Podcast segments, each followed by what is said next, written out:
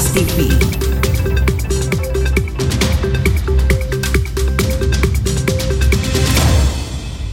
Cari insight seputar parenting dan rumah tangga di podcast obrolan meja makan aja.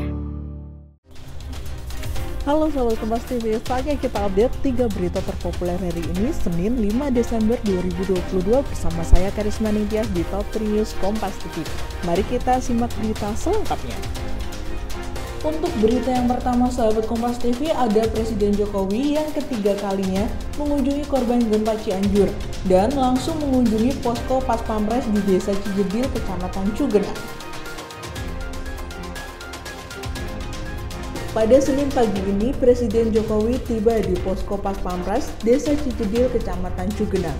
Presiden Joko Widodo sempat berbincang dengan para korban gempa dan membagikan bantuan.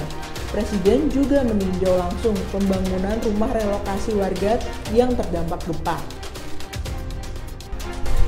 Untuk berita selanjutnya, sahabat Kompas TV, Lembaga Perlindungan Saksi dan Korban atau LPSK merekomendasikan keringanan tuntutan bagi Richard Eliezer dalam kasus pembunuhan Brigadir Yosua Huta Barat. Pengacara Richard Eliezer menyampaikan surat rekomendasi permohonan keringanan hukuman dari LPSK ke Jaksa Penuntut Umum dalam sidang hari ini. Surat rekomendasi permohonan keringanan hukuman sebagai justice kolaborator atau penguak fakta diberikan LPSK karena Eliezer dinilai konsisten saat bersaksi pada kasus kematian Yosua Huta Barat. Dan untuk berita yang terakhir, sahabat Kompas TV, Polda Daerah Istimewa Yogyakarta menurunkan 500 personel untuk pengamanan prosesi pernikahan Kaisang Pangarep dengan Erina Gudono.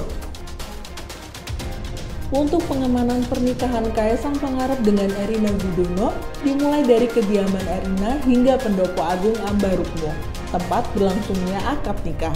Acara pernikahan dipastikan tidak akan mengganggu kegiatan masyarakat, termasuk di pusat perbelanjaan.